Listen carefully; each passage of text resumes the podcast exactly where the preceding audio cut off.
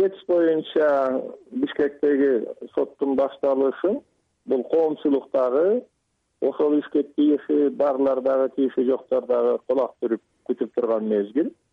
Чындыгын айтканда мен өзүм ушул тэц боюнча маселенин көтөрүлүп жаткандыгын туура деп эсептейм. Бул э, президентибиз сооронбай шарипович жээнбековдун коррупцияга каршы катуу күрөшөм деген сөзүнүн ишке ашырууга болгон аракети катары карайм сиз айткандай ошол сотко тартылып жаткан эки экс э, премьер министрлер министрлер жана башкалардын канчалык күнөөсү бар же күнөөсү жок экендигин сот аныкташ керек.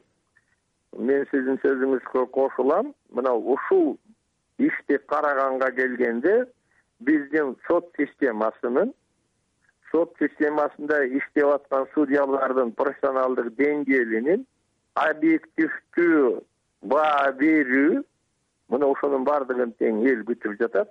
Бул маселени караганда кечээ булар жогорку кызматта жүргөндөр көрүнүктүү ишмерлер экен эмгеги сиңген экен республикага деп ошого эле карай бербестен эмне күнөө кетирди эмне кемчилдик болду бааны мына ошого бериш керек.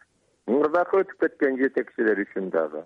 Азыр иштеп жаткан республиканын эң жогорку бийик деңгээлдеги турган жетекчилер үчүн дагы эртеңки келе турган жетекчилер үчүн дагы мына ушул сот сабак болуш керек медеткан агай бул эки мамлекет кытай менен кыргызстандын ортосунда ишке ашырылган эл аралык келишим. Анан ушул долбоорду туура эмес ишке ашырдыңар ушул долбоорго коррупциялык иштерге силер жол бердиңер деп азыркы айыпталып гана жаткан мурдагы жетекчилерге жоопкерчиликти тартуу туурабы? Ушул ушулар жооптуубу булар жооптуу же жооптуу эмес деп мен дагы сиз дагы айта албайбыз.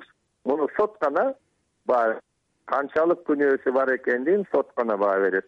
Ал эми жана кытай менен республиканын ортосундагы мамилелердин ушул тэц боюнча тэц боюнча көтөрүлүп жаткан соттогу кароолор боюнча эки мамлекеттин ортосундагы карым катнаш ой пикирлер бузулуп кетиши керек бузулуп кетиши мүмкүн деген ойго мен эч кошула албайм ал туура эмес себеби биз кытай мамлекетин күнөөлөп жаткан жокпуз.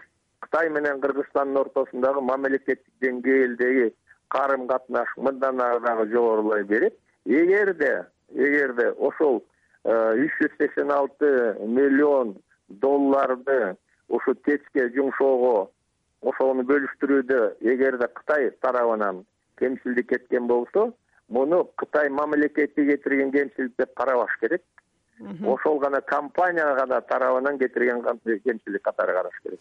Кытай мамлекетинин өзүнүн жүргүзүп жаткан саясатынын эң чоң артыкчылыгынын бири кытайлар кытай мамлекети кытай жетекчилери өздөрү коррупцияга каршы күрөшүп жатат.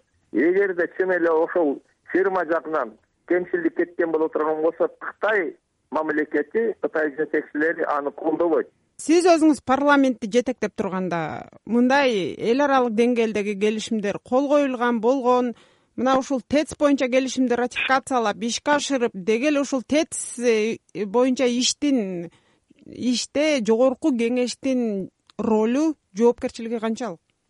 Жогорку кеңеш ошол договорду бекиткен. Мен ойлойм ошол договорду бекитип жатканда шашылып үч окууну бир күндүн ичинде өткөргөндүгү бул туура эмес.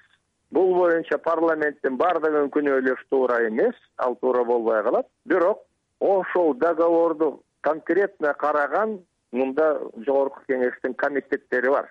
Ошол комитеттин депутаттары кытайга чейин барып келгендери бар. Мына ошолордун моральный жоопкерчилиги сөзсүз болуш керек. Муну шашпай караш керек болчу.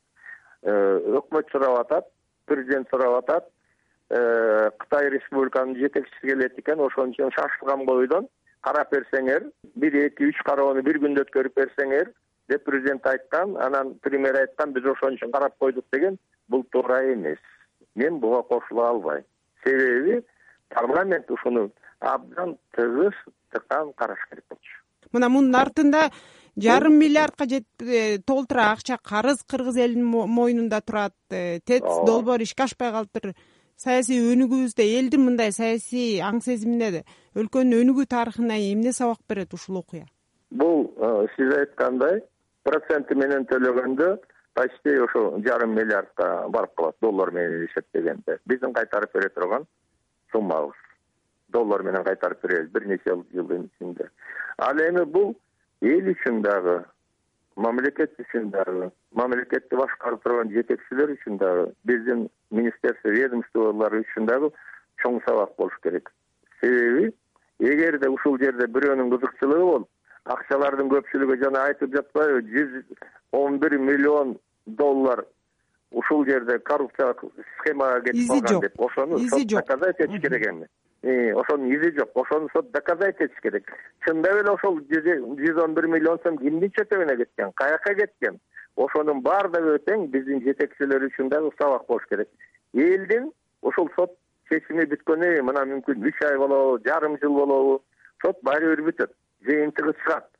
Ошол жыйынтыгы чыкканда эл да түшүнүш керек бизди кимдер кандай кишилер жетектеп созгон ошолордун уяты барбы? Ошолордун сыяты барбы? Ошолор эл үчүн иштегенби ошол тыйымды бирөөлөр чөнтөгүнө салып алган болсо төлөй турган баары бир эл да. Элдин эсебинен желген оокат болуп жатат да. Бул биздин баардыгыбыз үчүн мамлекетибиз үчүн дагы мамлекеттин жетекчилери үчүн дагы сот системасы үчүн дагы чоң сабак боло турган нерсе. Абдан чоң сабак. Мындай мындай процесс чындыгын айтканда боло элек болчу. Канча аракет кылып кумтөр жөнүндө ушу кумтөрдү караш керек деген менен кумтөрдүн кароосу мындай деңгээлге жеткен эмес. Тэц ушул нарушениеге баргандардын деңгээли боюнча дагы саны боюнча дагы ошол жердеги кеткен акчанын көлөмү боюнча дагы мындай процесс кыргызстанда баштала элек болчу. Бул баардыгыбыз үчүн чоң сабак болот деп ойлойм